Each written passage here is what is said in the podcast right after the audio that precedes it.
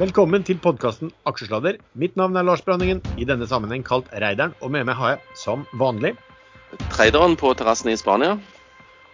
Og litt uvanlig, men tidligere vanlig, har vi med oss en gammel og kjær bekjent, som er Eh, Gameren, også kjent som sliten småbarnsfar. Ja, altså Dette er jo da hyggelig, Erlend Arnøy, gameren, at du er tilbake til oss. Eh, Du er jo da den ene av Når vi var fire i panelet, så er du den ene av oss som er hva skal vi si, eh, egnet til ansettelse. Eh, Går det bra med, firmaet du har blitt sjef for? Ja, vet du hva? Det er faktisk eh, veldig gøy. Eh, Det er nesten så gøy at jeg nesten ikke savner aksjesladder. Men eh, for de som eh, ikke har hørt alle episodene og skjønt hva jeg drev med, så overtok jeg jo et lite selskap 1.1 som daglig leder. Et lite IT-selskap. Og det, det funker gøy. Funker bra. Det, det er gøy å på en måte bygge eh, bygge si, en, en bedrift, og ikke bare handle aksjer og skape papirverdier, sånn som eh, vi vanligvis gjør. Og nå kommer du hit, du, har, eh, du bygger bedrift der, og så skal vi starte med en gang å bygge selvtilliten din. Sånn at eh, du skal få da, siden du husker så godt og var yngst i panelet, så kan jo du fortelle den berømte disclaimeren vår. Ja, altså jeg, jeg skjønner jo at dette er hevn for alle de gangene jeg tok deg på senga. Men eh, kort fortalt, eh, ikke gjør som vi gjør. Eh, programmet Nei, jeg, vet ikke, jeg husker ingenting. Hevnen er, søt. Eh, vi gir ingen råd dersom du hører på hva vi sier her om markedet, aksjer, enkeltaksjer og livet for øvrig, er ansvaret helt og holdent ditt eget. Programmet spilles inn live, og feil kan forekomme. Panelet og panelsgjester kan være lang, kort, direkte eller indirekte eksponert i aksjer, selskaper og produkter som omtales i programmet. Men så er det jo noen da, Sven, som vil spørre seg eh, hvor det er blitt av eh, jallakongen Erlend Henriksen. Har du anelse hvor han befinner seg? Siste jeg hørte, var at han eh, fikk damebesøk fra utlandet som han ikke hadde sett på eh, et år og halvannet. Så eh, eh, han er vel retning eh, soverom, Eh, hvis det er lov å si. Men med tanke på gårsdagens nyheter om, eh, om at enkelte kvinnelige kroppsdeler kunne bli forstørra av vaksinen, er det derfor Henriksen desperat skulle ha åtte vaksiner i går? Ja, det, det, det, er sånn, det sannsynligvis der. Jeg synes jeg hørte et sånn smell av noe som, som sa bom fra de langt ute i de store skoger i går, så jeg tror han koser seg. Eh, Vi eh, kan jo starte med det vi bruker å starte med, da. Eh, Sven, hva har du gjort i uken som gikk? Jeg har bada i basseng ca. midt på dagen hver dag. Eh, det er litt annerledes enn det jeg har gjort de eh, siste eh, år, eller 14-16 månedene. Det har vært litt avkjølende, for her nede er det til dels ganske varmt. Men jeg har to skjermer på terrassen, så jeg sitter jo og følger med, da, men handler veldig lite nå. Jeg deltok i en misjon i dette her Nordavind, som er på OTC. Og så har jeg egentlig òg tegna i denne her Havila kystruten. Men der trodde jeg egentlig at interessen var litt høyere enn den kanskje er. For jeg har ikke sett noe melding om eh, dekka bok ennå. Så jeg vurderer å ta ned den eh, tegningen litt. Fordi at jeg tenkte ganske mye der, for jeg trodde at interessen skulle være veldig høy. Eh, og så har jeg kjøpt og solgt denne her BW Ideol. Eh, der snappa jeg opp at eh, Spetalen hadde eh, eller var inne på lista med 400 000 aksjer, men han forsvant veldig fort ut igjen. og Da, da gjorde jeg òg det. Men nå har jeg kjøpt han litt igjen i går. Jeg kan snakke litt om den litt senere. Og så har jeg beholdt eh, havgrup og slått meg ned i Aksis. For der kommer det jo som kjent snart litt mer aksjer. Mm. Det var vel det hele. Veldig bra. Eh, Erlend, har du rukket å gjort noe på markedet du eh, i siste tiden? Ja, altså, jeg, jeg gjør jo veldig mye mindre i markedet. Eh, og det merker jeg jo fordi i fjor la jeg jo igjen et lite statsbudsjett hos, eh, i kortasje hos eh, meglerhuset jeg bruker. Eh, I år har jeg lagt igjen veldig lite. Så lite at jeg, fikk, jeg prøvde å ringe min kontakt, som eh, alle vi tre bruker ofte, og fikk svaret jeg er på ferie. Eh, eller han var på ferie. Så da har jeg tydeligvis lagt igjen for lite penger. Men jeg har handla bitte litt. Jeg eh, sitter mye av det samme jeg har sittet lenge. Jeg har sittet lenge i Jumpgate. Eh, Jeg skal prate litt om den senere. Og så har jeg handla litt sølv, fordi eh, sølv er jo litt eh, kult. Eh, ellers er min største posisjon faktisk et ikke-notert selskap, som, som går veldig bra. Eh, og ellers, ja, det, handler veldig lite på børs eh, for tida, og det er litt, eh, litt deilig. Eh, langsiktig, long. Trippel long, tror jeg vi kan kalle meg. Trippel long investor. OK. Eh, ja, for min del så har jeg Jeg sa vel forrige fredag at jeg hadde kjøpt litt Hunter Group. Eh, den gikk jo pent opp eh, på fredag, den gikk også pent opp på mandag. Men så kom jo da nyheter om at uh, OPEC ikke virket å bli enige om noen produksjonsøkning. Uh, det er i hvert fall kortsiktig ikke bra for tank. Uh, og som jeg sa, så var det bare en, sånn, det var en tradingposisjon, det. Så da, da vippa jeg den ut på, på mandag. Ellers så har jeg trada Kahoot i går, inn i går og ut i går. Uh, bra inn, og det ble en grei gevinst, men jeg skulle selvfølgelig sittet med de over til i dag. Men sånn, sånn, kan man jo ikke vite. Så kjøpte jeg også i går også litt eh, Pasient Sky. Patient Sky heter det kanskje. Um, som hadde falt noe veldig på børsen nå eh, de siste par dagene. Satsa på at det kom en rekyl, og det skulle jo også være en, eh, en sånn update i dag. De skulle ha en sånn telefonkonferanse i dag, og satsa på at de kanskje da skulle mm, få tilbake litt, eh, litt eh, tillit. Men det virker jo ikke sånn, for den har falt ja, nye 3 i dag. Så jeg tror vel at det er fort en god sjanse for at når folk hører på dette, her, at jeg ikke eier den lenger. Ellers så har det kommet nyheter fra Aksis, det kan vi snakke om litt senere. Men det gjorde også at jeg vekta meg ganske kraftig ned i den. Det har jo litt med, med, hva man venter på av nyheter, det, og hva, hva, du skal sitte med i en portefølje, ja, porteføljevekting. Men jeg har jo fortsatt en, ja, ca. halvparten igjen der, da. Vi bruker jo da ha, Du toucha litt inn på det, men vi bruker jo ha dette her med altså Er det noen debutanter i uken? Er det noen emisjoner man har vært med på? Har det vært noen nedsalg, Sven? Du som har du toucha litt, da, men er det noe annet enn eh, de du nevnte som har vært ute?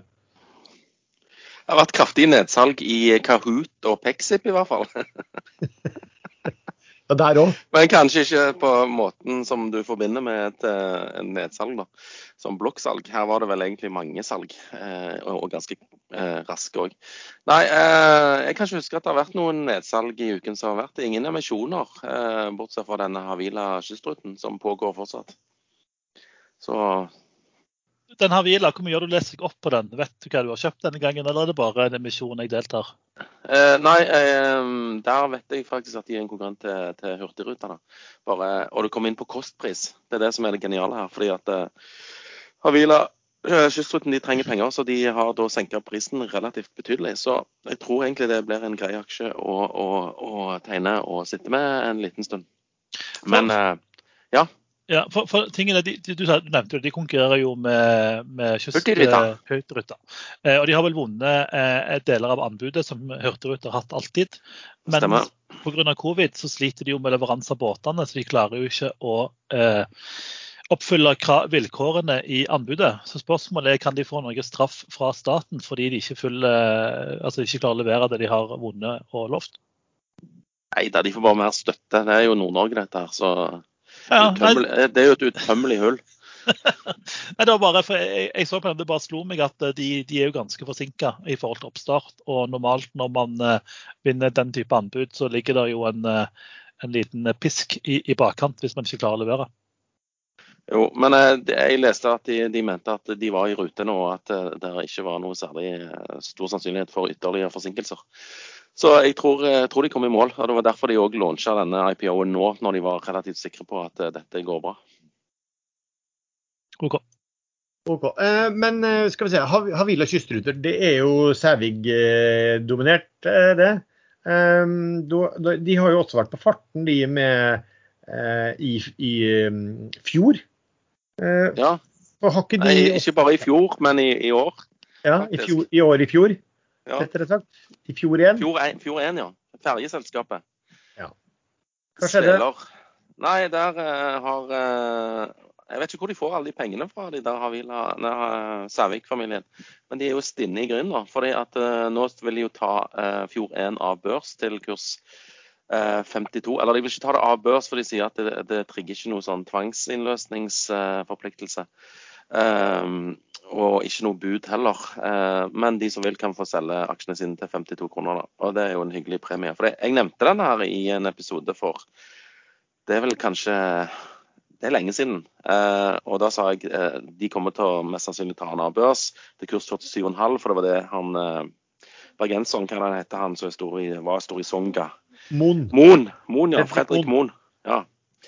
Han fikk selge på 47,5, og så har de slitt med det der båndlånet i Havilafjord som måtte refinansieres før de fikk lov å kjøpe resten av aksjene. Og Det har de nå klart. Der kom melding om det i dag. Så da er det fritt fram for at de tar og kjøper resten av Fjord 1. Så er spørsmålet skal de slå sammen Fjord 1 med dette Havila kystruten. Det kan jo fort skje, og det har vel kanskje vært en kongstanke. Og det kan vel kanskje òg være derfor at enkelte eh, muligens eh, ikke tegner i Havila kystruten. Jeg vet ikke. Sammensatt. Fordi at de vil. Men vet du hvor mye Sævik da vil eie av Havila kystruten etter denne misjonen? Uh, nei, det vet jeg uh, faktisk ikke. Om de er så store at de kan liksom strengt tatt nesten altså sette, sette, sette bytteforholdet, så er jo det alltid noe som man er, man er litt, uh, litt, urolig for. Men altså, jeg trodde det var slik at at Sæving måtte by 52 eh, kroner eh, til alle eh, i fjor 1. Men det var altså ikke sånn, det var sånn at de, de frivillig tilbyr det. Jeg tror de har ligget så langt over denne tilbudsgrensen så lenge at når de nå kommer over 90% så kan jo alle minoritetsaksjonærene kreve seg innløst til fair value. Og i og med at han kjøper masse aksjer til 52, så er vel det som er, er, er å anse som kursen.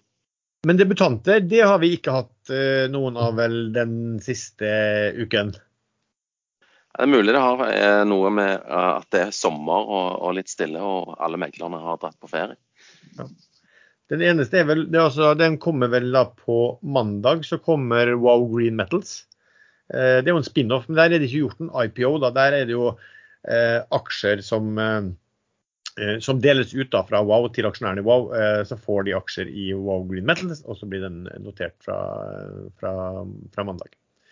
Du, eh, men vi var også inne på, på Nordavind, Sven, som du hadde tegnet deg. Det hadde jeg faktisk også tegna meg. Da tror jeg jeg fikk 8% av beløpet man hadde tegna seg for, eller et eller annet sånt. De, det var vel en emisjon som skulle være oppe en ukes tid, men som ble så bare droppa de det. De, de steng, jeg tror de stengte den samme dag, eller et eller annet sånt. Maks en dag. Um, ja, jeg òg tegna i den. Jeg fikk uh, tegna for en mil og fikk aksjer for 75 000. Ja. Så det er kanskje det samme. Men det er veldig bra at vi har med oss gameren. Uh, Nettopp. Uh, for, for, jeg forstår ikke hva de holder på med. Nei, eh, jeg kan jo eh, meg, og Lars diskuterte Nordavind, for det kom jo noen spørsmål inn om den. Eh, så jeg gikk jo gjennom prospektet. Altså, Nordavind er en eh, sportsklubb for dataspill. Det er den enkleste måten å forklare på. Tenk deg et fotballag, Sven, men istedenfor fotball så spiller de eh, alle mulige rare spill som, eh, som, som du ikke spiller. og så prøver jeg litt å skjønne litt hva, hva, på en måte de ønsker å oppnå. For de, jo, de henter jo penger nå til 15 kroner, stemmer ikke det? Til 15 kroner, ja. ja, ja. Den, som, den som tier samtykker. Ja, det stemmer. Eh, og når jeg på en måte ser presentasjonen, så er det sånn eh, Normalt når en sportsklubb på en måte skal hente penger, så er det sånn, da vil de snakke om ambisjoner. Sant? Hvis en fotballklubb skal ha penger, så er det sånn ja, i år skal vi vinne Champions League 15 ganger osv. Nordavind snakker kun om hvor mye sponsoravtaler de skal ha. og altså, De snakker veldig lite om hva de ønsker å oppnå. og Det som er litt interessant, da, er at de sammenligner jo verdien sin med verdien på andre sånne e-sportlag. Det som er interessant, da, er at der man tjener absolutt mest penger eh, i e-sport, eh, er da et dataspill som heter Dota 2. Eh, og For å forklare hvor mye man tjener på det, så liksom de fem første plassene over de turneringene man tjener mest på, det er Dota-turneringer. Det er liksom The International 2019, som da er den største Dota-turneringen. Og på andreplass er det International 2018, tredje 2017, 2016 og 2015. Eh, og alle de klubbene som Nordavind sammenligner de har Dota 2-lag. Derfor er de mye verdt. Nordavind har ingen Dota 2-lag.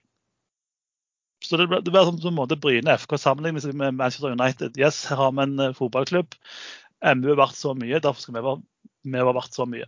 Altså Det kan være det går an å tjene mye penger på Nordavind, men jeg er litt skeptisk fordi jeg syns det er veldig rart når en, et e-sportlag bruker en hel prestasjon på å snakke om hvor mye penger de kan tjene på sponsoravtaler, og ikke hva de planlegger å oppnå. Um, så jeg har ikke tenkt meg der, uh, og jeg styrer egentlig unna. Uh, men, uh, men har, jeg kjøpt, har jeg kjøpt en aksje hvis forretningsplanen er en gjeng med ungdommer sitter og spiller dataspill hele dagen? Det er, ja, det du faktisk har kjøpt, du har kjøpt Forretningsplanen Virke og eh, får masse sponsoravtaler på disse ungdommene som man tjener penger. ja.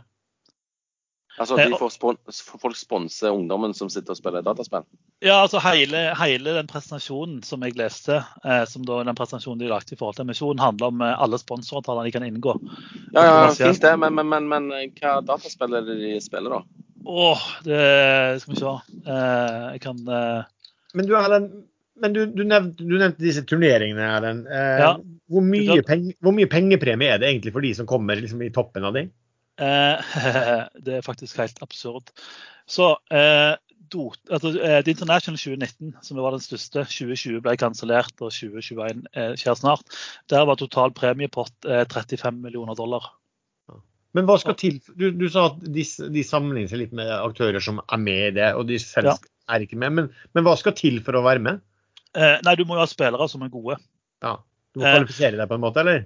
Ja. Eh, du har International er på en måte VM i Dota, og så har du Majors. Eh, det som på en måte er ganske interessant, er at et lag som vinner International, hele laget deres, altså hele det laget som har vunnet, forvitrer som regel året etterpå fordi de går til andre klubber. Så jeg tror det er veldig vanskelig å tjene mye penger som e-sportlag, fordi det er veldig få lag som holder på de samme toppspillerne veldig, veldig lenge. Eh, det er derfor jeg er så skeptisk til på en måte sånn som Nordavind, hvor man hyper veldig veldig mye et e-sportlag som ikke er med i de mest eh, lukrative turneringene. Eh, og så vet man at de store, store, asiatiske eller de store lagene som vinner mye, de, ja, de har ekstrem utskifting på spillerne. Du, eh, Sven, jeg syns liksom jeg oppfatta Jeg meg så for meg du satte, satt en strek over navnet når du, når du spurte om pengene gikk til å sponse noen som skulle spille spill. jeg, jeg, sliter fortsatt bare med å forstå forretningsmodellen, hvordan noen gidder betale for at folk skal spille sånn dataspill. Men eh, Nei, det, det, Pengespill hadde jeg skjønt, men dataspillene eh, skjønner jeg ikke. Du kan si, det, det som er det syke, da, hvis vi tar The International, eh, der er det jo eh, selskapet som lager Dota til Valve. Hva er Dota for noe? Dota, hva står det for? Defender of the Ancients.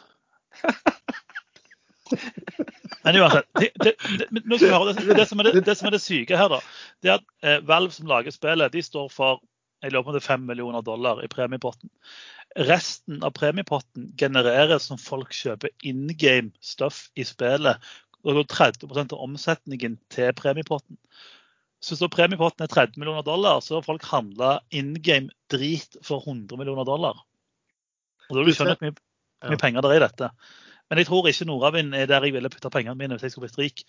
Eh, en annen ting som er litt sånn negativt for Nordavind, og de skal jo stå seg sammen med Zero Zero Nation, det skrev de veldig veldig Nå mye om. Nå syns jeg du bør slutte å snakke så mye drit om Nordavind. Eh, du kan eventuelt vente til vi har solgt. Dette, dette, dette, er et viktig poeng, for de, de, skriver veldig mye om den sammensorgen med Zero Zero Nation i presentasjonen.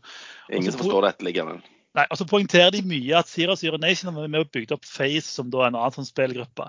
Face ble akkurat tatt for å drive en megakryptoskam. Så det er liksom mm, litt uheldig å sammenligne seg med de. Nei, nei. Eh. nei, nei. Det er jeg helt uenig i. Dytt inn av litt kryptoskam inn i dette. Alternative inntektsstrømmer, kaller vi dette. ja. det, det, det, det, som var greit, var at eh, Kursen kommer til å eksplodere. Ja. Tre, tre, spillere i Face da, de, eh, de deltok på sånn altcoin-scam hvor man bare lurte masse folk. Og så var de kastet ut av Face. Og så var han lederen i Face veldig imot dette, og så fant folk eh, masse Twitter-meldinger som viser at han var egentlig drev med det samme sjøl. Så eh, Aksjekursen altså den, den, er jo på unotert liste, eh, og den ligger nå på handlet vel sist på 22, tror jeg. Og Det er jo, det er jo pent i forhold til, til den eh, emisjonskursen. Altså det, det, jeg konstaterer her, i hvert fall er at jeg tror du kunne sagt hva som helst nå til meg og Sven. og Du kunne sikkert funnet på utrolig mye kule, rare navn på disse konkurransene.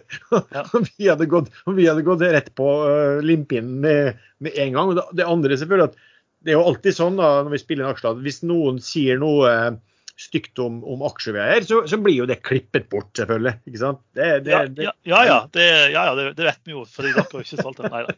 Altså, e, E-sport er ganske kult, og det er et par store lag. Men det er liksom hvordan tjener laget penger? De som tjener mye penger, det er spillerne.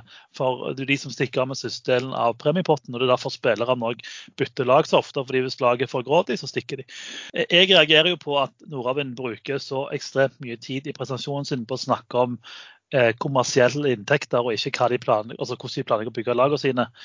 Altså Det er bare som eh, om eh, Bryne FK skal istedenfor å snakke om at de skal vinne serien, så snakker de om hvor mange FK-kapper de kan selge. liksom. Det, det, skurrer litt for meg, da. Men jeg har ikke tegna meg der. Eh, og så har vi brukt altfor mye tid på Nordavind i forhold til størrelsen. Men jeg syns de har høy prising. Eh, veldig spent om de lykkes. De har veldig flinke folk i ryggen. da.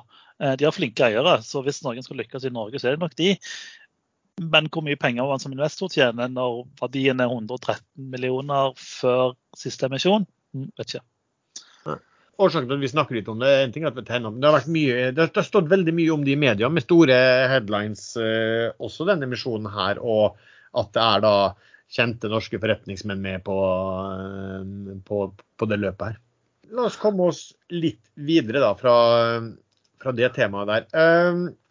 Det har jo nå vært sånn at vi har fått bad news og vi har fått kursmell i en hel del eh, ulike eh, teknologiselskap slash miljøteknologiselskap. Eh, skal vi starte med hva som har skjedd i Kahoot? Eh, du er kanskje best eh, egnet til å fortelle litt hva som, har, hva som har skjedd der? Eh, ja, jeg, jeg, jeg, har egentlig styrt unna hele Kahoot. Men de, de har vel hatt en kursmassakre uten like. Kahoot er jo et typisk vekstselskap. Har vel ikke tjent all verdens med penger per bruker, men så lenge de vokser med antall brukere, så tenker man jo at før eller siden skal de tjene penger. Og så har vel flere fått litt panikk i forhold til hvor mye vekst har de egentlig, og hvor mye vekst har de kjøpt. For de har jo kjøpt litt selskaper. Eh, og så har kursen falt tilsvarende. Men det skal jo sies at Kahoot eh, i skrivende stund har jo en ganske eh, voksen markedsverdi på iallfall 20 milliarder. Så de er jo ikke, er ikke akkurat blitt nulla. Men eh, det er vel flere investorer som har begynt å stille spørsmål med om prisingen har vært korrekt i forhold til inntekter og, og vekst. er ikke det en grei oppsummering? Det er vel en grei oppsummering. Eh, vi, har, vi, snakket jo om det når han, Jan Haudemann Andersen gjorde altså han eh, Eh, gjorde et større nedsalg. Og så, og så, var det jo rykter da fra en sånn analyseaktør som hadde da sjekket nedlastinger av eh, den Quiz-appen deres, og, og, mente at det tydet på at eh, veksten var da miserabel i Q2. Og så kom de med en update på Q2 som vel sa at eh, Jeg husker ikke, jeg tror det var noen meglere som mente at liksom, reelt sett var den organiske veksten da nede på 4 eller et eller annet sånt. Uh, og, og jeg vet ikke om jeg kan forklare det litt, men uh, type vekstselskap, da. Det er jo veldig vanskelig å, å, regne på det. De som er lønnsomme, som tjener penger og den type vekstselskap, da har du noen ting, eh, en måte å forsøke å regne på hva som er et nøkkeltall med en del ser på, i forhold til å finne ut om dette er rimelig, som heter PEG. Det står for PE delt på, delt på growth, altså øh, inntjeninger per aksjer, delt på øh, eller, delt på kurs, eh, og som igjen deles på veksten. Så la oss si sånn at Hvis et selskap da hadde en PE på 70, eh, men hadde også en vekst i inntjeningen på 70, så hadde PEG-en vært på 1, som mange syns er helt greit. Men det sier også at hvis du begynner å tenke sånn på sånn som Kahoot, da, hvis plutselig veksten eh, faller, halveres f.eks., da vil jo en type sånn PEG-modell Eh, da vil de plutselig eh, ha dobbelt så høyt nøkkeltall på det.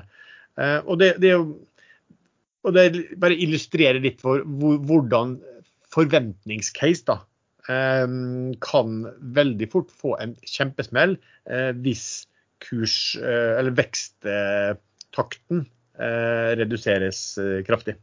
Nå falt jo den veldig raskt, og kursen ble redda fra å komme seg under 40 av at Softbank meldte i går. Eh, at de hadde kjøpt, eh, eh, kjøpt aksjer i markedet da i forgårs.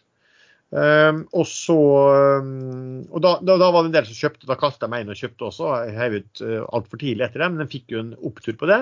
Og så meldte de jo igjen i dag da, at de også kjøpte i går. Um, noe man kanskje burde tenkt. Og da er jo kursen opp uh, 3,8 i skrivende stund. Den ligger da altså på 44,80. Men eh, det er jo ikke lenge siden. Den lå jo altså på ja, nærmere 60 kroner for, eh, for eh, ikke veldig mange dagene siden. For å si det. 6. juli var den 59,05. Ja, sant. Og da, og da hadde den jo allerede falt eh, Den var vel oppe i husker ikke hva høyesten hø- høy- høyest den har vært på en periode, men eh, 127 i januar, ser jeg. 137 ser jeg. Year to date er det høyeste. Ja. Ikke sant. Så den har Kongen drev, og tre, den på 119. Så han var ganske nær toppen. Ja, hva var det du sa til han da, Sven? Han spurte hva slags type investor når du kjøper Kahoot eh, på 119. Så sa jeg eh, idiot, tror jeg. Investor. det, det var faktisk Eller det, eh, fram til nå så har det vist seg å være riktig, da. Men eh, han steg jo litt etter det òg. Skal det sies at han kasta ut den eh, Ja, tidligere? ja, ja. Sitte Han er, han, er, han er ikke idiot. Nei, Han er absolutt ikke det. Og så Quantafuel. Sven, hva har du fått med deg hva som, hva som har skjedd der i løpet av uken? Ja, sjefen stakk. Eh, eller han stakk ikke. Han eh, fratrådte som, eh, som sjef. Altså konsernsjef, hvis det er et konsern, da. Eller samme det. Eh, og så skulle han bli sånn der han er rådgiver for selskapet istedenfor. Så da er han egentlig ikke innsider lenger, men de klarte å melde at han hadde kjøpt litt aksjer, selv om han ikke trengte å, melde det. Så jeg lurer på om de òg kommer til å melde når han eventuelt kommer til å selge aksjer, fordi de må ikke det nå lenger. Nei, altså det var jo litt spesielle at, at de faktisk børs, sender ut børsmelding på at en, en som ikke er primærinnsider, har kjøpt aksjer. Um, you bet at de ikke hadde gjort det hvis han hadde solgt aksjer, uh, for å si det sånn. Men så var det jo litt, litt rart da, med den at han, at han uh, gikk av, og da ble jo folk litt, eh, litt urolig. Den sto der, se på, på, For en uke siden så sto den i rundt en 37-38, og nå står den i 32,5. Um, fordi det, det, det, det som ble sagt da fra selskapets side, var at han gikk av, og så hadde det vært en prosess. da, De holdt, holdt på med en prosess med å finne en etterfølgeren. Og da syns veldig mange det var rart at ok, hvis de har holdt på med en prosess, hvorfor står ikke han i stillingen sin til man har funnet ny sjef?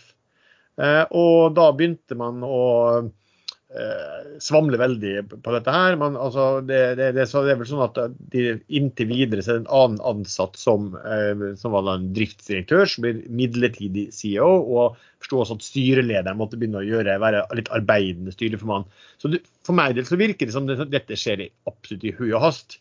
Og det var jo noen sånn litt sånn latterlige eh, intervjuer i avisen. av det, det var styrelederen som begynte å snakke om at ja, de, de så andre muligheter, og at, at kanskje ved at de gjorde det på denne måten, ville flere ta kontakt. og Det, var bare å melde dem på LinkedIn hvis, de, hvis noen følte seg kallet til å bli, eh, bli Skal sjef. ikke, skal ikke søke du da, Lars?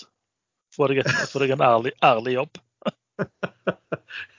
Nei, det, bare, bare den definisjonen der gjør jo at man ikke får jobben. Nei, så, så, så Da skjedde jo det, og så kom da de, meld, de gjorde meldingen. Også. Jeg syns jo den, den meldingen at de melder at han har kjøpt, eh, virker jo som en ren markedsføringsjobb. Han kjøpte det var altså 20 000 aksjer. Han solgte, han solgte 900 000 aksjer på 70. Altså jeg tror han, han kjøpte vel aksjer nå for 1 av, han, av antallet han solgte, beløpet han solgte for eh, i ja, september eller et eller annet sånt. Det, det, det som er litt interessant, Lars, fordi vi diskuterte jo dette tidligere. fordi De skriver jo på de andre, eh, de har jo sendt ut hele styret for å kjøpe. og Da har de jo skrevet 'mandatory notification of trade'. Og På meldingen på han har de bare skrevet 'notification of trade' i kategori annen informasjonsregulatorisk pliktinformasjon. Men i den meldingen da, så skriver de at 'this information is considered to be inside information pursuant to the EU market bla bla regulation'. Men de har jo bekreftet til deg at det ikke anser det som innside at han selger, nei, kjøper. Eh, ja, for, når jeg så den der, så syntes jeg det var litt rart at de, at de skrev det på en annen måte. Eh, og da skrev de eh, fra IR i Quantafuel at grunnen til at Kjetil Bøhn sitt aksjekjøp betegnes som notification of trade fremfor mandatory notification of trade, skyldes at han ikke lenger er primærinnsider i selskapet. Uh, og så skriver han bare med bakgrunn i at han nettopp endret status fra primærinnsider, valgte vi å publisere dette som informasjon til markedet. Så det var absolutt, altså De valgte å publisere det. Eh, det var ikke noe eh, krav på det som noe som helst måte. Og etter mitt syn ren markedsføring litt rart. Ja, for De skriver faktisk i meldingen, og meldingen er merker som informasjonspliktig. Ja, Nei, de, de, skriver at de valgte det, og at han ikke er pliktig. Han er ikke innsider. Denne episoden er sponset av CMC Markets. Som vanlig har vi med oss sjefen Henrik Sommerfeld, som kan fortelle oss mer om tjenestene deres. Takk, Lars. Og eh, fortsatt god sommer til deg og alle deres lyttere. Men markedet tar som kjent aldri ferie. Eh, jeg snakket i forrige episode om appene våre og mange av funksjonalitetene der som, som er fine å ha, særlig om sommeren når man ikke sitter foran PC-en. Vi har en del andre funksjoner også tilgjengelig, så kan være greit å være klar over når man ønsker å sitte litt mindre foran PC, eller appen for den saks skyld. Det jeg snakker om er risikostyringsverktøy og ordreutførselsfunksjoner, hvor du kan sette dine egne forhåndsdefinerte nivåer hvor du ønsker å handle. Enten du ønsker å gå inn i en handel eller stenge eksisterende posisjoner på gitte nivåer, så har vi verktøyene for det. Det kan være limit-ordrer, stopp entry-ordrer eller take profit og stop loss, for å nevne noe. Vi har ulike stopplås-typer, inkludert garantert stopplås, hvor du er garantert å komme ut på det nivået du definerer uten risiko for at markedet gapper. Dette betaler du en premie for, som returneres i sin helhet om den ikke går inn.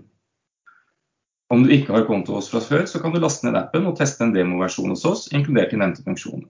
Der vil du også ha tilgang til gratis realtidskurser for norske og amerikanske aksjer i 30 dager. Det er viktig å være klar over at giring kan forstørre både gevinst og tap, og at all trading innebærer risiko. God ferie og god sommer. Og lenke til CMC finner du i beskrivelsen til denne episoden. Vi kan ta et par kjappe fall til. Pexip, eh, Erlend, så du på det? Jeg har ikke sett på Pexip, eh, men eh, jeg har vel vært noe Den er oppe i dag, da. Så har ikke har falt så mye, den. da. Jo, den falt vel i, var det i går, eller den falt uh, I går falt den 15% Ja, nei, jeg vet, ikke, har ikke, jeg vet, ikke, hvorfor den falt. Jeg har ikke sett på den. Jo da, de kom noen update de også, som eh, der uh, kanskje veksten ikke var uh, helt i tråd med hva en del meglerhus håpet på, sånn som jeg forsto det jeg, jeg, mener jo at eh, Pexip er jo en veldig farlig aksje. Fordi eh, det er jo i hovedsak to store selskaper på denne videokonferansen i verden. Det er jo Microsoft Cisco. Eh, og de har jo historisk eh, bestemt seg for at eh, våre løsninger snakker ikke med hverandre. Og Pexip har på en måte kommet eh, inn og tilbudt en bro mellom de løsningene. den dagen Microsoft Cisco finner ut at nei, vi skal snakke sammen, fordi løsningene deres kan snakke sammen, det er bare snakk om å skru på en skru på en knapp og utvikle litt kode, så har Pexip en veldig veldig dårlig forretningsplan. Så jeg, jeg, alltid, jeg, har vært litt skeptisk til den, fordi du kan på en måte våkne opp en mandag morgen, og så er store deler av markedet deres vekke. Jeg vet ikke om de er enig i det, men det er jo sånn. Eh, den, den, den, tredje da som fikk smell, var jo den som jeg nevnte litt kjapt. Det var den eh, Patient Sky. Pasientsky. Ja, og den gikk jo på børs til rundt men jeg gikk på børs rundt 10 kroner for aksje. Henta vel en halv milliard. Eh, gikk opp til 16 kroner. Eh, og så har den begynt å sklidde en del, og så kom de da med meldinger der de måtte nedjustere veksten sin og litt marginen sin. Eh, som gjorde at de på onsdag da falt den 30 Um, Falt videre 0,2 i går og ned 4% i dag. Sånn sett. Så det er ikke noe det, er ikke noe slutt, slutt, på det fallet der. For ser det ut som det har ikke noe hjulpet at de hadde noen kål i dag. Uh. Nei, men det er dag tre i dag, er ikke det? Det er vel kanskje på dag tre du skal ta Ja, er, men hvordan, for det er, hvordan er det, Sven? Altså, hvilken, men hvilken dag, når skal man ha Hva er liksom teorien på, på sånne store fall? Uh, at du ikke skal kjøpe den første dagen, i hvert fall. etter stort fall. Jeg vet ikke om, om, det har vært gjort så mye forskning på det, men dag tre, og gjerne etter lunsj, eh, er da du skal begynne å, å, å, kjøpe for en eventuell rekyl som kommer på dag fire eller eh, sent på dag tre. Det har i hvert fall vist seg av og til at det stemmer. Ja, og hvis mange nok, hvis mange nok tror på det, så, så kan jo det fort være sånn. Altså Kahoot eh, de falt jo mye dag én, og så steg de litt i går. Men Der årsaken kom, der kom det en nyhet. Ja, I- korrekt. Det, Kahoot. Ja, korrekt. For da, den var jo ned eh, ganske Jeg tror den lå like over 40, så den var vel ned en sånn 6-7 nye prosenter i går, den, helt til det kom eh, ganske sent på dagen, vel, at, eh, at eh, Softbank hadde kjøpt eh, eh, aksjer. Hadde det ikke vært for det, så hadde du fort hatt to, i hvert fall to dager ned. Da, og da hadde du kanskje vært akkurat på den derre ja, så, Som en del eh, bruker å tro på. Skal vi se, Da har vi jo vært gjennom litt av de som har fått seg en eh, liten, eh, liten kilevink. Eh, Men, men, men da kan vi ta en liten så kommer en, eh, eller en, eh, et annet selskap som kommer faktisk litt positive nyheter for en gangs skyld. Ja. PGS. Yep. De, de pleier jo ikke å komme med gode nyheter. Nei. Så Det var litt uvanlig at de i dag kunne melde om eh, eh, late, som var en god del høyere enn eh, analytikerne venta. Altså faktisk 50 eh, foran eller over konsensus. Så det, det mener de som kan dette, da, at det lover godt for andre halvår. Så derfor er aksjen opp eh, 7,85 i, i lyttende stund. Ja, for den, den, falt, den falt altså en 3 i går. Og for i går så kom jo TGS med sine tall, eller sånn update. Eh, og det, de bruker jo å være litt sånn, de, bruker vel å si at den er litt indikator eh, på hverandre. For, for TGS de hadde vel veldig dårlige late sales. Hvis du så på det, Svein. Og, men jeg tror Nei, jeg så, jeg så ikke på den, jeg så bare på headline. Så Ja. eh, jeg, jeg gikk ikke i dybden der. Nei, de hadde, de hadde vel ganske elendige um, late og så kom PGS med det motsatte i dag. Men PGS skrev vel at de, det de så, var at uh, de, de nevnte spesifikt av biblioteket sitt i Europa. Mens jeg tror TGS uh, har et Hvis jeg tipper da, så har de et eller jeg mener det var noen som skrev også, at de har, et, de har et bibliotek som er mye, mye mer spredt på andre steder hvor det kanskje ikke er noe uh, ja, aktivitet. da. Og Europa, jeg vet ikke om det Det kan jo da jeg vil jo tro Nordsjø- Nordsjøen går inn, inn under det også, så det kan jo tyde på at PGS kanskje har bra salg i, på norsk og, og kanskje britisk eh, sokkel, sånn sett. Ja, skal vi se hva mer vi har. Eh, vi har jo fått en del eh, spørsmål. Vi kan ta de litt sånn underveis også. Eh, er det mange har lurt på hva du mener og tenker om et svensk eh, selskap som heter Jumpgate. Yes, eh, altså Jumpgate er jo et av disse selskapene jeg pratet om eh, sist jeg var på luften, og det må jo være mange måneder siden, eh, som et av longcasene mine i år. Eh, det er et svensk eh, spillselskap som har en M&A-strategi, altså oppkjøp, merger and acquisitions. De gjorde noen kjøp tidligere år og består av vel tre selskaper, tror jeg det, hvis jeg ikke tar helt feil.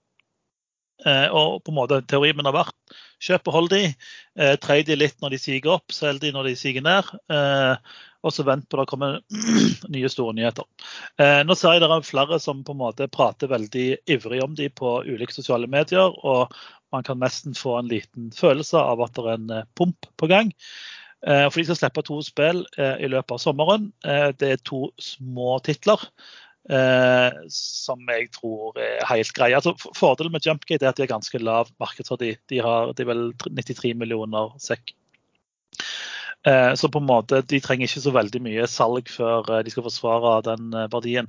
Men de, de to titlene som kommer nå er ganske små, men det er positivt at det kommer spill, for da tjener de penger. Men den store store verdien i selskapet er jo hvis det kommer flere oppkjøp framover. Det er noen som har nevnt i sosiale medier at det er masse analyser som er oppjustert på de. Jeg har ikke funnet en eneste av de, så jeg tror bare det er bullshit for å prøve å pumpe. Men jeg syns den, eh, den, den en spennende aksje fordi eh, veldig mye svensk gaming er veldig høyt priser. Eh, og de samme aksjene er på en måte pumpes og pumpes og pumpes. Eh, og Jumpgate har vært liksom et friskt alternativ som faktisk har en fornuftig eh, markedsverdi. Og, og jeg liker på en måte det de holder på med, med at det kommer noen små spill her og der. Og ja, sannsynligvis mer oppkjøp. Eh, de har jo på en måte rigga både mulighet for å trykke med aksjer og sånt for å gjøre flere oppkjøp. Så jeg har økt litt i den i det siste, eh, i påvente av de spillene som eh, kommer nå i, i løpet av juli. Sven, eh, Endelig litt svensk gaming. Ja, den, faller den inn under porteføljen svensk gaming? Du, du, du, du husker den gangen du, du kjefta ut eh, Erlend for at han hadde han satt og snakket på, vi spilte inn på en fredag om eh, han satt og snakket om en, en svensk aksje, og, og, og, du, og du satt og fulgte med tikkeren på den svenske aksjen mens han snakket om det. Og, flere av oss Sto helt stille, den dritten. Sto helt stille, var ikke den eneste omsetningen. Helt, helt til vi fant ut at Sverige var stengt den dagen. Ordren gikk aldri gjennom, og Sven skjønte ikke hvorfor. Jeg, jeg, jeg, jeg kjøpte den jo ikke, eller jeg kunne jo ikke kjøpe den. og uh, jeg, bare, jeg bare skulle se om, uh, om det var noen bevegelse i aksjen, men den var faktisk helt død. Helt død, ja. Nei, det, har, det, har vært, det er mye svenske gamingaksjer som har falt litt i det siste, fordi det har vært ganske friske, friske prising på forskjellige ting. der. Det kom jo spørsmål ja. om Fifth Planet, som da er dansk, men notert i Oslo. Eh, jeg skal ærlig innrømme at jeg skjønner ikke hvorfor så mange elsker Fifth Planet. Eh, meldingene fra selskapet er ganske tydelige. Eh, de har òg vært ganske flinke på presentasjonene. Altså, Fifth Planet forteller tingenes tilstand, og de skriver i meldingen rett ut. Tintin tjener fortsatt ikke noe særlig med penger. De kutter teamet, de kutter Studio Berlin. De har tidligere meldt at Vikingspillet kommer til å tjene lite penger. Så, så liksom, det sitter en del folk og elsker Fifth Planet, men sånn, selskapet sier jo selv at vi kommer til å tjene lite penger framover. Så, så, Fifth Planet er ja, Det kan sikkert trades, men uh, selskapet sliter med å klare å tjene penger på spillene sine. Og så var det CD Project Red, som da er et polsk uh, spillselskap. Uh, hva jeg syns om det. de slapp jo en tittel som de holdt på med i mange mange år tidligere, Cyberpunk 2077. Eh, litt morsomt, når jeg var i Los Angeles i 2018 på E3, som er en stor spillmesse, så viste de fram Cyberpunk. Alle syntes det var dritkult. Og så tok det tre år før spillet endelig kom, og når det kom, så var det drit. Eh, de bruker normalt fem til seks år på å lage nye spill, eh, og de har ikke annonsert hva de holder på med, så jeg ville ikke kjøpt den fordi det er lenge til det kommer nytt spill. Så er det Remedy som er stilt spørsmål av. Eh, de, det er et finsk spillselskap. Eh, de har tidligere annonsert at de holder på med to ikke-annonserte titler. Altså annonsert at de ikke er annonsert. Eh, I tillegg holder de på med Alan Wake Remastered, som da er den siste franchisen de har. Veldig mange tror at et av de ikke-annonserte spillene er Alan Wake 2. Uh, og Hvis man tror det, så kan det jo være fornuftig å kjøpe Remedy for å på en måte uh, jobbe seg mot uh, den lanseringen som definitivt vil, vil sende kursen opp. så var det òg noen spørsmål om spillfond slash ETF-er. Skal jeg bare ta det òg med en gang, Lars? Som ja, det. Gjør det. Jeg er jo veldig fan av TINN Ny Teknikk. Det er jo et svensk teknikkfond som har en stor andel spillaksjer. Eh, det er forvalta, så det er ganske dyrt fond, men de har hatt ganske god eh, avkastning. Vært litt kjipt de siste, eh, siste året, men eh, i fjor var de opp 100 Ellers er det noe som heter VanEck Vectors Videogaming, en e-sport med tikker ESPO. Det er en ETF, den er ganske grei. Eh, så gjorde jeg et uh, kjapp uh, Google-søk for å finne om det var noen andre spennende, og fant ei liste med tre stykk. Det ene er Roundhill Bitkraft e-sport and Digital Entertainment med ticker Nerd. Eh, veldig kult. Den var opp eh, 92% i fjor. Eh, og så er det en som heter Vanek Vector Gaming ETF. BJK er tickeren. Den var opp 76 i fjor. Og så er det en som heter Global X Video Games and E-sport ETF med tikker Hero og den var opp 73 i fjor. Så, så, veldig mye av disse ETF-ene de trykker sammen e-sport og videospill, eller, da, eller eh, videospillutviklere. Eh, sikkert for å ha større utvalg i selskaper å kjøpe. Men eh, det er iallfall den lista jeg. Jeg kan legge ut den lista på eh, både eh, gruppa vår på Facebook og, på eh, aksjestadder på Ekstranestor, for de som vil, vil se den. Men det er iallfall fond som har gått relativt godt i fjor. Strålende. Du, Erlend Nei, Erlend sier det. Ehm, Sven. OPEC og hva de holder på med. Uh, har, du, har, du, liksom fulgt med? Hva, hva, hva, er som, hva, er som, foregår der, og hvordan påvirker det oljeprisen? Nei, hva er det de holder på med da? Det er faktisk et godt spørsmål. Uh, jeg trodde jo de skulle bli enige om å øke med 400 eller 500 000 fat fra august. Men uh, da har du disse her stabeisene fra de United Arab Emirates, de forente arabiske emiratene. som da satte seg på bakbeina og sier at nei, vi kan produsere mer og vi vil ha større kvoter osv. Og, så og så ble de jo søren ikke enige, og at vi bare avlyste rett og slett møtet. Så nå er det ingen økning eh, planlagt. Så jeg håper de blir enige snart om et eller annet. For ellers så i hvert fall ikke at det blir sånn indre splid og alle skal kjempe om markedsandel, for da har vi olja i minus 37 dollar igjen snart. Men de har jo et godt argument, da. Eh, for de kom jo med en, en offisiell melding der de sier at de vil vurdere oljepolitikken sin og heller eh, prøve å selge ut mest mulig av den og heller satse på fornybart. Og Det er jo litt nye toner fra et sånn eh, arabisk land som ja, det, lever, lever av oljen. Var det fra Emiratene, eller? Ja, UAE. Ja, for det, de, det så at når man inngikk den opprinnelige avtalen, så var det vel det at de fant ut etterpå at de, de var vel i gang med å bygge ut noe. sånn at de, de mente vel at den, den ba, basisen da, for produksjonen som var lagt i den avtalen, var altfor lav hva, gjeld, hva gjaldt dem. Det er vel det som er grunnen. Men det er klart at hvis de også vil eh, Hvis de tror på fornybar og tror på kort, kortere hva skulle du si, levetid da, på oljen, så kan det jo gi mening det å begynne å få å produsere. Men, men det, de, de, har vel en fordel alle sammen. Det ser man nå at hvis, hvis, man har noen OPEC som styrer det, så må jo det være bra eh, for OPEC-landene, kontra at, man bare, at, at, alle bare mm, opptrer som en selvstendig aktør. Men hva tror du blir enden på visa, Sven? Jeg tror at det kommer et kompromiss eh, som både uh, Emiratene og resten av OPEC og verden kan leve med. Jeg håper i hvert fall det, for uh, Norges skyld. Mm. Ja, Vi har fått et spørsmål på en vi har snakket om litt tidligere også. Og, eh, og noen kommenterte en litt merkelig lyder fra programlederen sist gang. Så da, da han gjorde sånn her. Og det var jo Jeg, jeg, jeg syns jo det er helt fantastisk at noen i det hele tatt klarte å, å gjette hva låt du nynna på. Ja, for det, jeg som var med på eh, innspillingen, skjønte jo ikke hva du holdt på med. men, men var, det ikke, var, det ikke, var, det ikke, skivebom? Altså, du nynna feil låt i forhold til hva fasiten ble?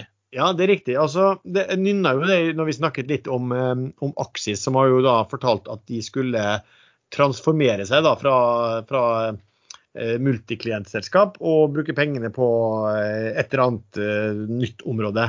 Og knytta det sammen med at det var veldig mange felles trekk, både aksjonærer og persongalleri, styre og alt sammen med Magnora. Og Magnora har jo stor eierandel i et solcelleselskap som heter eh, Evolar. Så det jeg nynna på, var, eh, for ikke å si det, så nynna jeg på den som heter Volare og Evolar. Så jeg regner med at mange skjønte det, men jeg var sikkert jævla dårlig på, på, på nynne også. Men Aksis meldte jo da i uka at de Nei da, det var, var ikke meninga at de skulle brukes som børsinstrument for Evolar. De eh, skal bytte navn til Carbon Transition og bruke penger de har eh, og penger de får når de selger ut dette multiklientbiblioteket, til investeringer i selskap som går på Energy Transition. Hvorav de meldte det første investeringen eh, ja, allerede samtidig. Da hadde de investert ja, 30 millioner kroner i et konvertibelt lån til et sånt miljø... Det ble, det ble, ja, det ble Sell the News i, i Axis òg, gitt. Ja, den gikk jo opp til eh, den gikk 17 opp, eller noe? Ja, gikk opp på 17, ikke sant. Så, og da var det jo greit å begynne å ta ned litt grann, eh, av, av, For min del var det greit å begynne å ta ned en del av, av risikoen og, og størrelsen på, på, på, den. Også fordi at på en måte var det litt var, var man kommet litt, Katta var litt ut av uh, sekken. Um, og så falt den jo tilbake igjen da, mot, ned mot 13, og så har den beveget seg opp igjen litt. Uh, vel har den gjort det i dag? Uh, eller var det i, i går? Var det sånn var oppi ja. Den ligger på 13,5 ca. Ja, 13,80 faktisk. Opp 3 i dag ca. 2,99. Ja. Ja, så, det, ja, det kan kanskje bli et lite vakuum til disse her reparasjonsemisjonsaksjene kommer, men det er bare ca. en uke til. Så ja, litt, litt skeptisk. Jeg tar den muligens etter de er kommet. Ja. Uh, for, for, du er helt ut, du er helt ute nå, Sven? Nei, jeg har bare uh, rundt en million igjen. Så Det blir jo spennende å se hva de ser. Men et av spørsmålene var da at er, går de for å gjøre en sånn Er, det, er dette sånn Saga Pure 2.0? Altså Saga som omvandla seg også og begynte å investere innenfor uh, eh, grønne selskap. Eh, og gjerne de, sånn at de var med både i IPO eller rett i forkant av selskap som skulle på, på børs. Eh, og ja, det, for min del så er det jo veldig veldig mange likheter mellom de, de to eh, strategiene. Jeg har ikke sett på det om, om om Aksis er mer spisset enn Saga. Det, det, er mulig at de er det, men jeg er ikke, jeg er ikke helt sikker på det, egentlig. Det virker ganske bredt uh, ja, hva, hva, de kunne investere i også. Har, har du, hva tenker du om det, Sven? At, syns du de, begynner, de, de ser like ut, de to? Det virker som det er litt samme ideen i bunn. Men det så du òg under den internettboomen eh, eh, i forkant av år 2000. Mange selskap som skulle investere i andre selskap. Eh, så det er litt samme type opplegg nå. Eh, det er jo en, en transformasjon, dette her. Altså det en ganske stor endring i eh, sånn energi. Sånn som internett òg var en stor endring. Da er det mange ideer og mange selskap som popper opp, og noen vil jo gjøre det bra, mens de fleste vil jo gjøre det mindre bra. Og Det ser vi jo egentlig nå òg på, på, Growth, at uh, det var litt hype til å begynne med, av masse nye selskaper, og nå faller de liksom nesten hver dag, eh, de som er nye på børs. Det virker som interessen har begynt å, å dale litt. Ja, for Apropos det, så var Hermanrud ute i dag og, og, mente at det var veldig mange av disse nye eh, aktørene på børs som var veldig glad i, eh, i høyrisikosegmentet, altså innenfor grønt, innenfor biotek, innenfor tech. Og han mente jo da at ok, først så begynte du å se smellen i grønt allerede i ja, februar-mars, og så gikk det vel en måneds tid. Og, så, og, nå begynte du også å se, eller hadde sett en periode også i en del, i en del tech-selskap. Så han mente vel at det var den type aktører som kanskje også i stor grad er inne i én aksje, som kaster litt kortene. Eh, men Saga har jo vært flinke, da, for de har, å, de har vel gått inn i selskap som veldig raskt etterpå skal på børs. Eh, også, og I så måte tar det jo litt ned risikoen. da, eh, satser på at, at, det at, Bare det at de selger inne, gjør at kanskje man får større interesse når de går på børs. Og Det er vel litt det samme sikkert Axis har tenkt å gjøre også. for De har jo også bra aksjonærer eh, i bakkant. Da, sånn at folk de, de, kan jo håpe at folk forventer at det de har investert i kort tid før, eh, må, være smart, og så blir det lettere å ta det på børs.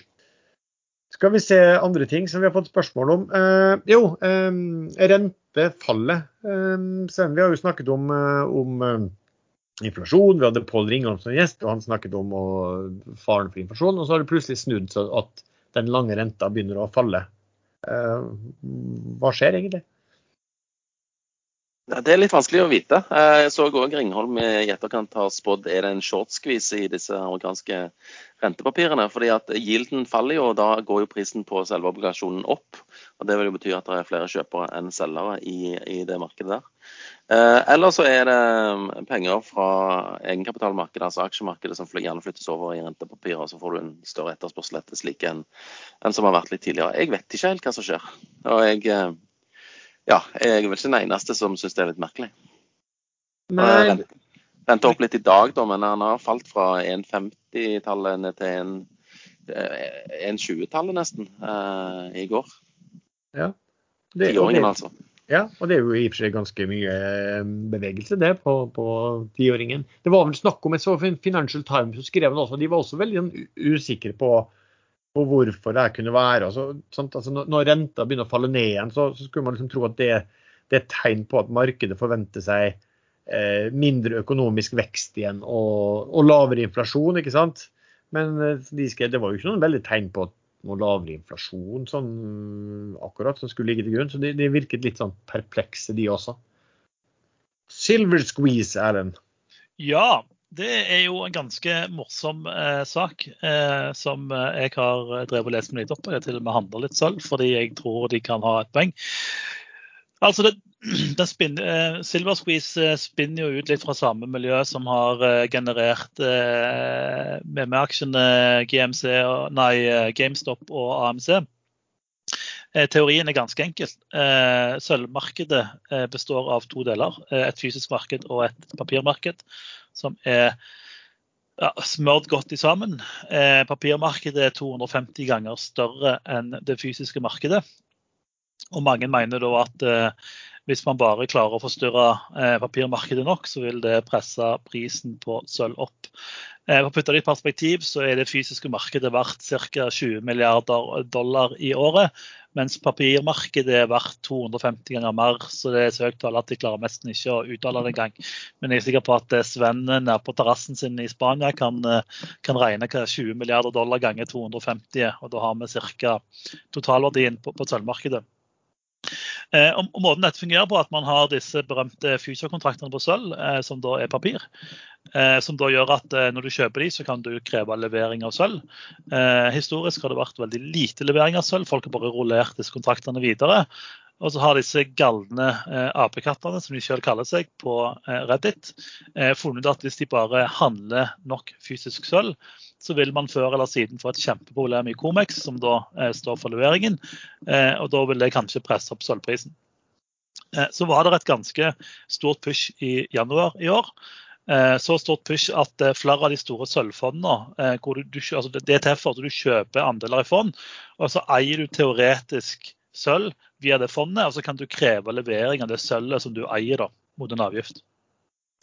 Og Flere av de store, litt tvilsomme fondene de endra eh, den lille teksten etter denne push i januar, hvor at du ikke lenger var garantert å få sølv, og at de nødvendigvis ikke hadde sølv som de påstod de hadde.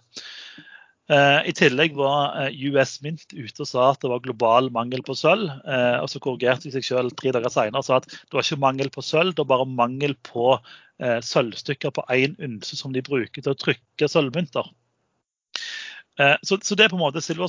Man, man, man, prøver egentlig å kjøpe så mye fysisk sølv at papirmarkedet kollapser, og da presser opp prisen, egentlig. Så, så, det er ganske morsomt å følge. Eh, og så kom det òg denne Basel 3-regelverket eh, som gjør endrer litt på hva banker kan sitte på verdipapirer. De kan ikke sitte på papir, sølv eller gull lenger, for det har ikke noen verdi i forhold til dette regelverket. Så det, det er egentlig sølvprisen. Eh, så det er bare et veddemål på om sølvprisen skal opp eller ikke. Fordi mange mener den eh, er kunstig lav. Men har ikke sølvprisen egentlig falt? Eh, nei, det kommer jo an på hva, hva, hva du ser på. Eh, hvis du ser på to uker, ja. Eh, ser du på et år, så har den dobla seg. Ja, så, lykke til, sier jeg bare.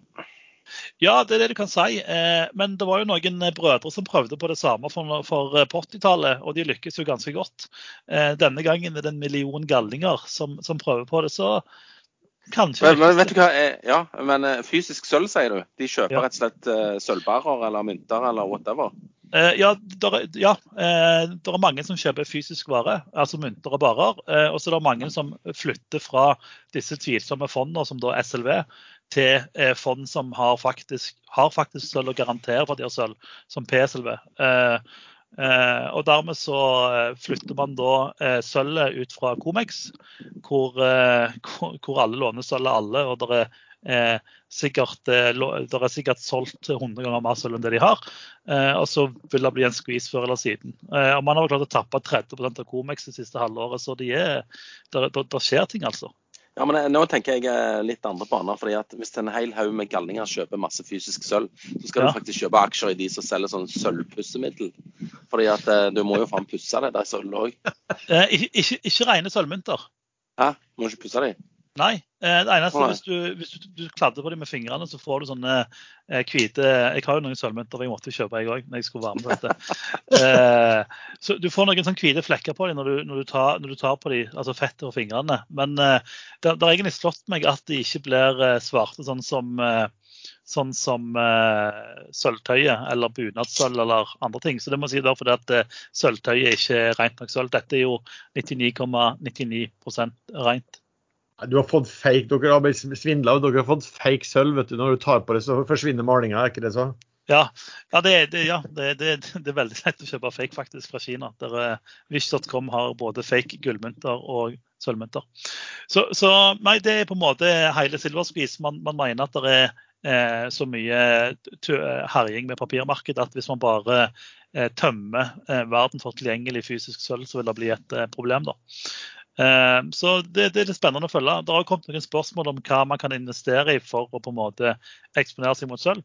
Det er egentlig tre måter. Du kan kjøpe fysisk sølv. pass på at eh, i Norge så kan du egentlig kun kjøpe mynter fordi eh, barer er momsbelagt i Norge. Eh, det er tre store forhandlere av det i Norge. Styr unna finn.no, fordi hvis du går på Wish, så innser du hvor lett det er å kjøpe falske mynter, og du som en amatør har ikke sjanse til forskjell. Eh, styr unna ting som Samlerhuset, for de selger bare eh, juggel. Eh, så skal du kjøpe fysisk sølv, så kjøper du én eh, unse mynter som er 99,99 på en reine. Det er den ene måten. Eh, du kan òg kjøpe ETF-er som har faktisk sølv. Det største da, og mest skikkelige er PSLV. Eh, de, eh, de, har åpen bok eh, med liste over alt sølvet de har. De blir ja, audita av eksterne, altså eneste fond. Så det er hvis du vil på en måte ha eksponering, så går du der. Ellers er det på en måte ETF-er som går på gruveselskaper. Og da er det et svensk som er ganske populært, som jeg òg eier, som heter AUAG Silver Bullet A kan kjøpes både Nordnett og Pareto og de fleste plasser. Så det er liksom de beste måtene å, å ja, posisjonere seg mot sølv. Og så er det to andre momenter òg. Den ene er jo hedge mot inflasjon. Edelmetall er jo alltid en hedge mot inflasjon. Og det andre er jo at i en verden hvor alle sentralbankene vil trykke mer penger og innføre digital valuta, så er det jo faktisk gøy å eie noe fysisk med verdi. Så det er vel kort om uh, sølvskvisen. Du, Et selskap vi glemte å nevne litt sånn som skjedde i uken. Også, er, altså det er jo et som er sånn superlikvid eh, på Oslo Børs. Det er jo MPC Container. Eh, vi snakket vel litt om det i forrige tilknytning til at, eh, at DNB kom vel med en, eh, de kom med en analyse hvor de eh, kutta den. Eh, og så falt den jo 18% på, på forrige fredag. På, på mandagen igjen så falt den jo videre ned fra ja, 21 til 18,5 sånn cirka. Og der snudde den igjen. og Jeg tror kanskje det var også for at Pareto smelte ut en melding og sa at ingenting er endret. liksom. Denne, denne, dette, her er, dette, her er, virkelig eh, ja, noe man bør kjøpe. og da eh, kasta man seg inn igjen, og den har snudd opp. Men den falt litt igjen. Så den er på 21, da. Så den har jo fortsatt falt. Um, ja, den er faktisk ganske flat da, for, eh, for uh, uken. sånn sett etter, Men veldig likvid. Den er vel i dag uh, fjerde mest omsatte på, um, på børsen. Uh, vi fikk et, altså, Sist gang så snakket jeg litt om både meg og, og Jallakongen, vi snakket litt om Sidville. Eh, og da var det kommet noen nyhet om Seedwill og noen restrukturering. Og vi var litt eh, usikre på hva det innebærer. Fått sett litt mer på det.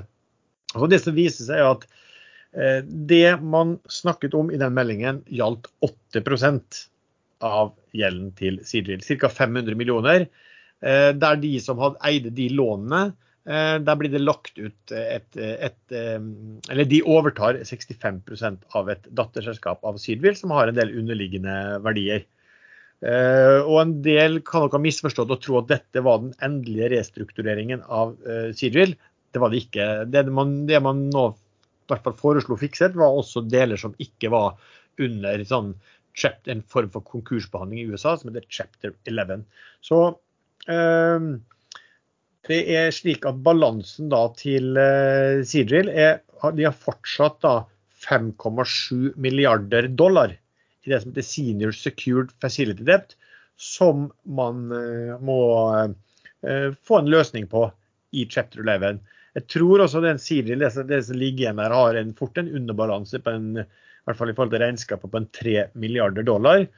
Um, og så, så, det er altså fortsatt absolutt like stor fare for en restrukturering som de har skrevet før innebærer lite eller ingenting til aksjonærene. Hvor lenge det da tar før man finner en løsning på den chapter 11, ehm, det har jeg ingen anelse om. og Alt det her er litt sånn kronglete informasjon som det må tas forbehold om. Men jeg kan nevne, da, sånn som vi kjøpte, Sven, det var vel Valaris. Den kom vel ut av, et, av en sånn uh, chapter 11 konkursbehandling hvor aksjonærene uh, fikk uh, Hvis det er riktig den informasjonen jeg fikk fra noen andre, at de fikk ingenting, men de fikk opsjoner men da var de opsjonene basert på en eh, aksjekurs som lå fem ganger høyere enn hva den starta på, eh, på, børsen. Eh, men du så vel også på, Hadde du også sett på noen obligasjoner der, Sven, i, i Seedrill? på, på, de, sånn? Ja, jeg ba han analytikeren i Fearnley der om å, kikke på han for meg, for jeg syns jo det var ganske kompliserte saker sjøl. Så han hadde ikke finregna på det, men han hadde grovregna på det. Og han mener jo at den dealen er god for disse obligasjonseierne i Sidril. At det kan forsvare verdier rundt pari, mens eh, han siste handla på midten av 50-tallet, eh, denne her eh, obligasjonen. Men jeg kjøpte den ikke, fordi det var, det, var ikke, det var ikke mulig å få fatt i. Men det, men det var obligasjonen da som ikke går på Seadrill. Det går på den delen det, den, det, det selskapet, den strukturen som Men de får en del av Simex, og de får noe Sibras og noe Ja, gud, gudene vet hva de får. med Og så Ja. beholder de størsteparten av gjelden i et annet eh, lån, liksom. Så dette er jo bare en bitte liten del av den totale restruktureringen. Men jeg, jeg, føler vi må advare litt, fordi at eh, sånn som Noble, eh, Diamond, eh, Pacific Drilling og Valaris, der mista aksjonærene egentlig alt. Ja, og, og, og det er jo da sånn at altså, her vil jo bankene sitte selvfølgelig og se på hva utfallet har vært eh, for de andre. Det kan være du får noen warrants på en mye høyere kap eh, kapitalisering. Ja. Altså way out of the money warrants som Ja. kompensasjon. Nå har du jo, nå har du jo Fredriksen som er tung her, da, som, som noen kan bruke som argument for at de kan være litt ekstra snille med aksjonærene. Men, men et, det, det de som sier i hvert fall at, at at Fredriksen eide mye av det lånet, eh, det- obligasjonslånet du snakker om. sånn at den strukturen som, som puttes ut av CGIL, hvor långiverne eier 65% så er det noen som mener at en god del av det eh, ligger hos eh, Fredriksen. Eh, og, så det kan jo være at det er der han får, får eh, ja, oppsiden sin da, videre, eventuelt. Eh, men det, ja, det er komplekst, hele, hele opplegget, og vanskelig å si. Eh, jeg tror uh, Jallakongen eide jo det sist. Sånn som jeg forsto på han, så er, har, han, eh, har han solgt noe. Eh, han betonte vel også at det er høy risiko. Så selv om det, går, altså det, det er en aksje hvor du kan våkne opp eh, en morgen med en melding der du ikke kan handle mer. Det er vel ikke bare høy risiko, det er vel ekstremsport. Jo, jo, ikke, sant. Altså det, men det, da er det jo, du har høy risiko, og så har du, har du høy oppside hvis noe eh, helt spesielt skulle skje. ikke sant? Så- må man jo bare vurdere sjansen sjøl. Men, men også, hvis man våkner opp og, og har beskjed om at For dette selskapet er jo eh, reelt sett konk med den underbalansen på 3 milliarder dollar. Um, og eh, så, så sånn sett kan du si at aksjonærene fortjener ingenting. Så, så ikke kom og gråt hvis man våkner opp og det står at det er inngått avtale, og at banken har overtatt dette selskapet, og at man ja, i beste fall kan få awards. Men det kan gå så mye bedre enn det. Hvem vet. Skal vi se, Vi har også et spørsmål da, til Svein til deg. Um, hva tenker du om markedet nå videre i sommer? Blir det et roligere marked? Mer bear, eller hva? Eh, Som jeg nevnte litt tidligere, eh, så ser det ut som disse nye selskapene har fått litt sånn slitne aksjonærer som da tar reduserer og selger seg litt ut. Det gjelder vel òg aksjefond som eier de. Eh, Hvis de får litt innløsninger og sånn, så kanskje det kommer til å bli litt trått for de, men sånn som i dag, indeksen er jo opp 1,2% og de store selskapene durer jo på. Så jeg tror ikke nødvendigvis børsen kommer til å gå ned, men jeg tror det blir et selektivt marked ut sommeren i hvert fall. Du, kommer du til å gjøre mye, eller kommer du til å ha det Jeg kommer til å gjøre lite. I hvert fall i juli. mens du på mens, mens du koser deg på fjerne breddegrader og lærer deg spansk? Ja, jeg lærer meg ikke så mye spansk, da. Men jeg kan en del fra før, da. Ja, Så at jeg får i meg både fast og flytende jeg føde. akkurat nok til det. Vi har et spørsmål som gikk på Interoil. Eh, og Det var en kommentar, eh, på eh, hvorfor de i styrefullmakten altså Hva pønsker de på, siden de har eh, foreslått i generalforsamlingen styrefullmakt hvor styret kan bestemme emisjon med fravikelse av aksjonærenes fortrinnsrett. Svaret på det er, at de trenger egentlig ikke å pønske på noe som helst. Det er veldig vanlig eh, at styrene ber om slik fullmakt hvis de just in case man skal gjøre noe. Det, alltid, det som kan skille litt, er hvor stor de fullmaktene mm, i forhold til dagens uh, aksjekapital. Det har ikke jeg sett noe på i forhold til Interoil. Erlend, vi har fått spørsmål om eh, ja, egentlig to selskap som du har snakket om eh, her før. altså Både Nekkar og Kitron. Ja. Eh, det nekka spørsmålet var vel eh, hva jeg trodde og syntes om Q2 der. Eh, jeg har ikke satt meg så mye opp i Q2, men de holder jo på med den her lukkede laksemerdene sine, Starfish. og det er snakk om at de skal teste biomasse i den i Q2 eh, har vært veldig veldig, veldig, veldig stille fra selskapet rundt det. Så jeg aner ikke hvordan den eh, testinga går, eller om man har kommet i gang. Eh, men det er egentlig den neste triggeren man venter på. altså for eh, Testen av biomasse i, eh, i det her Starfish-prosjektet deres. Eh, så når den kommer i gang og den er bra, så tror jeg aksjen kan gå en del. men Q2 vet jeg veldig lite om på eh, Kitron så eh, de lager jo elektronikk, eh, bl.a. disse berømte altså Kitron må gjøre det dritbra, fordi Sven har jo eh, spist 15 eh, robotklippere, og Kitron leverer jo elektronikk til Husqvarna, som lager det. da. Men eh, spørsmålet gikk på eh, hvordan denne halvledermangelen påvirker Kitron. Fordi alt de lager elektronikk. Og Kitron har jo tidligere for noen år siden hatt tilsvarende utfordringer og gjorde en del grep. Så det Kitron har sagt tidligere, er at eh, de har bedt kundene om å legge eh, eller å ta deler av kosten for å bygge lager. Eh, så de har ganske stort lager med halvledere for å unngå på en måte supply chain issues. Og Det er det siste vi vet fra selskapet. De har ikke på en måte, Nå kommer da Q2 Når kommer Q2-en? Den er mandag 12.07, altså om tre dager. Eh, det kan være det kommer oppdatering da, men, men Kitron er på en måte rigga for å klare ganske store problemer i supply chain før det påvirker eh, produksjonen. Eh, fordi kundene på en måte er med og, og tar deler av regningen. Eh, men, men, Q2 eh, på mandag vil sannsynligvis gi oss en del eh, oppdatering på hvordan det går, fordi mangelen på halvledere er ekstrem overalt. Og jeg blir veldig overraska hvis eh, Kitron ikke adresserer det spørsmålet spesifikt på presentasjonen.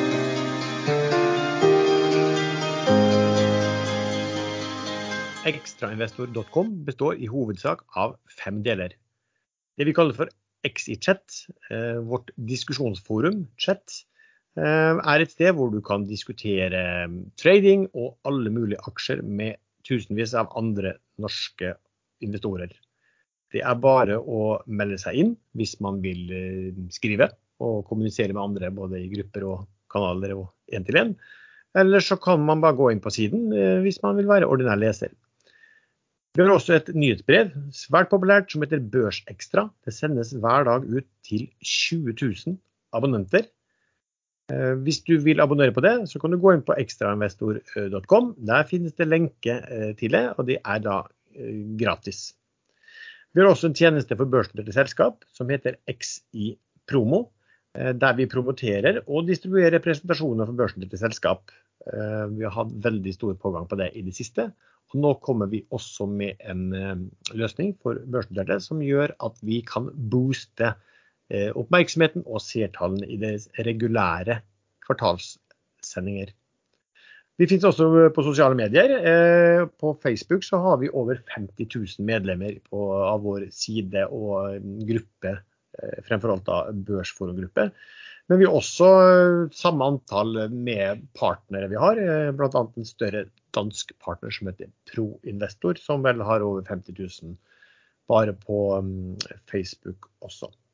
Så har vi også da selvsagt denne podkasten som heter Aksjesladder. Og så har vi en nyhet som heter incurate.com, eh, der vi forsøker å samle investorprestasjoner, videoer, eh, for ethvert selskap egentlig, eh, som kan ses av investorer. Så der kan du gå inn og se på, på videoer som måtte bli lagt ut. Og vi vil veldig gjerne ha privatpersoner som registrerer seg, som har lyst å legge ut kort eller lengre og humørfylt eller alvorlig eh, videoer om det å investere, eller om det ja, enkeltaksjer som de liker spesielt godt. Som sagt, lenken til ekstrainvestor.com det finner du i eh, beskrivelsen til denne episoden.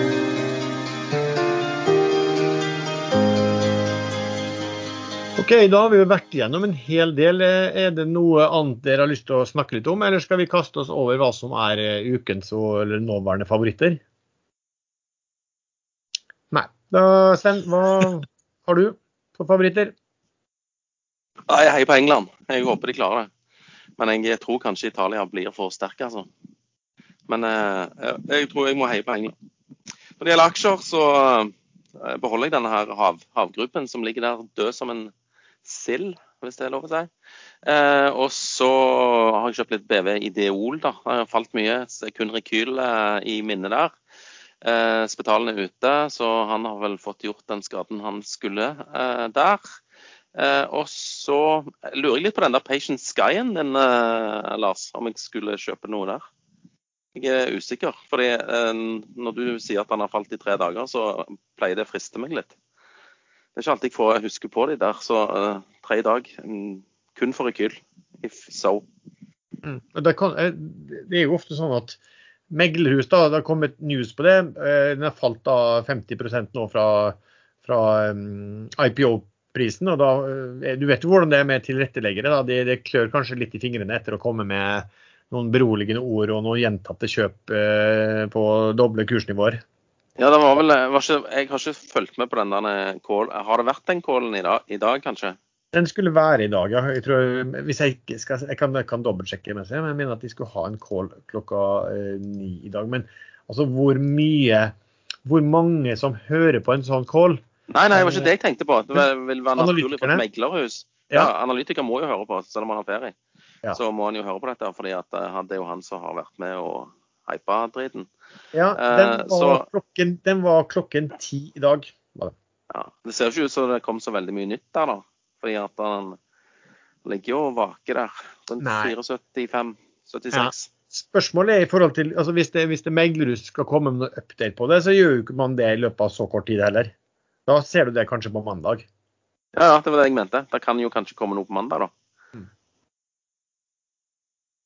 Men jeg er usikker. Jeg har ikke bestemt meg helt ennå. Eh, ja, Noe annet du ser på, Sven?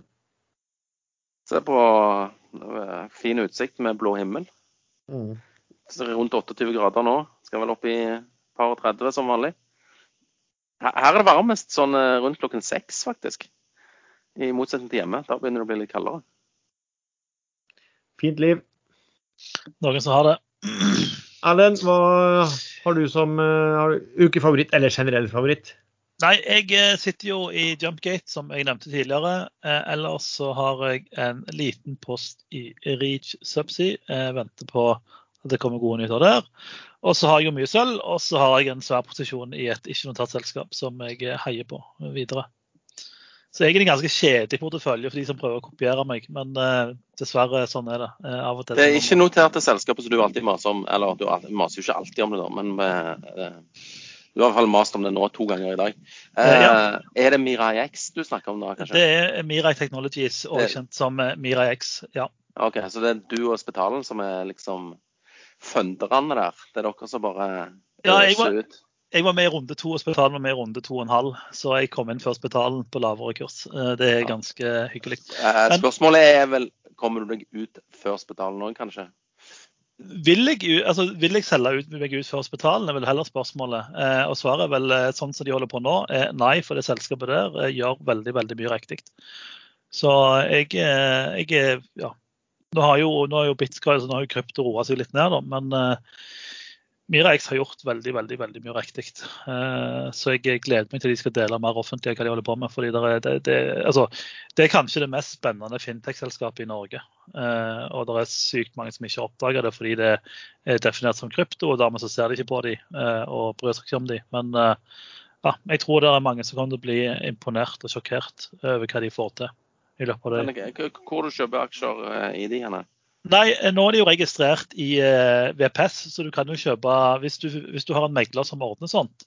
Eh, da det jeg skulle ordne når, eh, med han megleren som tok ferie, eh, så kan du handle de via Hvis noen vil selge det, så kan du handle de via en eh, via megler som tilbyr OTC-handel. OK. Men jeg tviler på noen vil selge, da. Det er jo det som er problemet. Der er, der er veldig få eiere, og der er ja, alle vil jo bare sitte og se pengene vokse. Alt, Men, er, eh, et alt er et spørsmål om pris. vet du. Nei, men eh, du får eh, du kommer med bud, Sven, eh, på de eh, par hundre aksjene jeg har.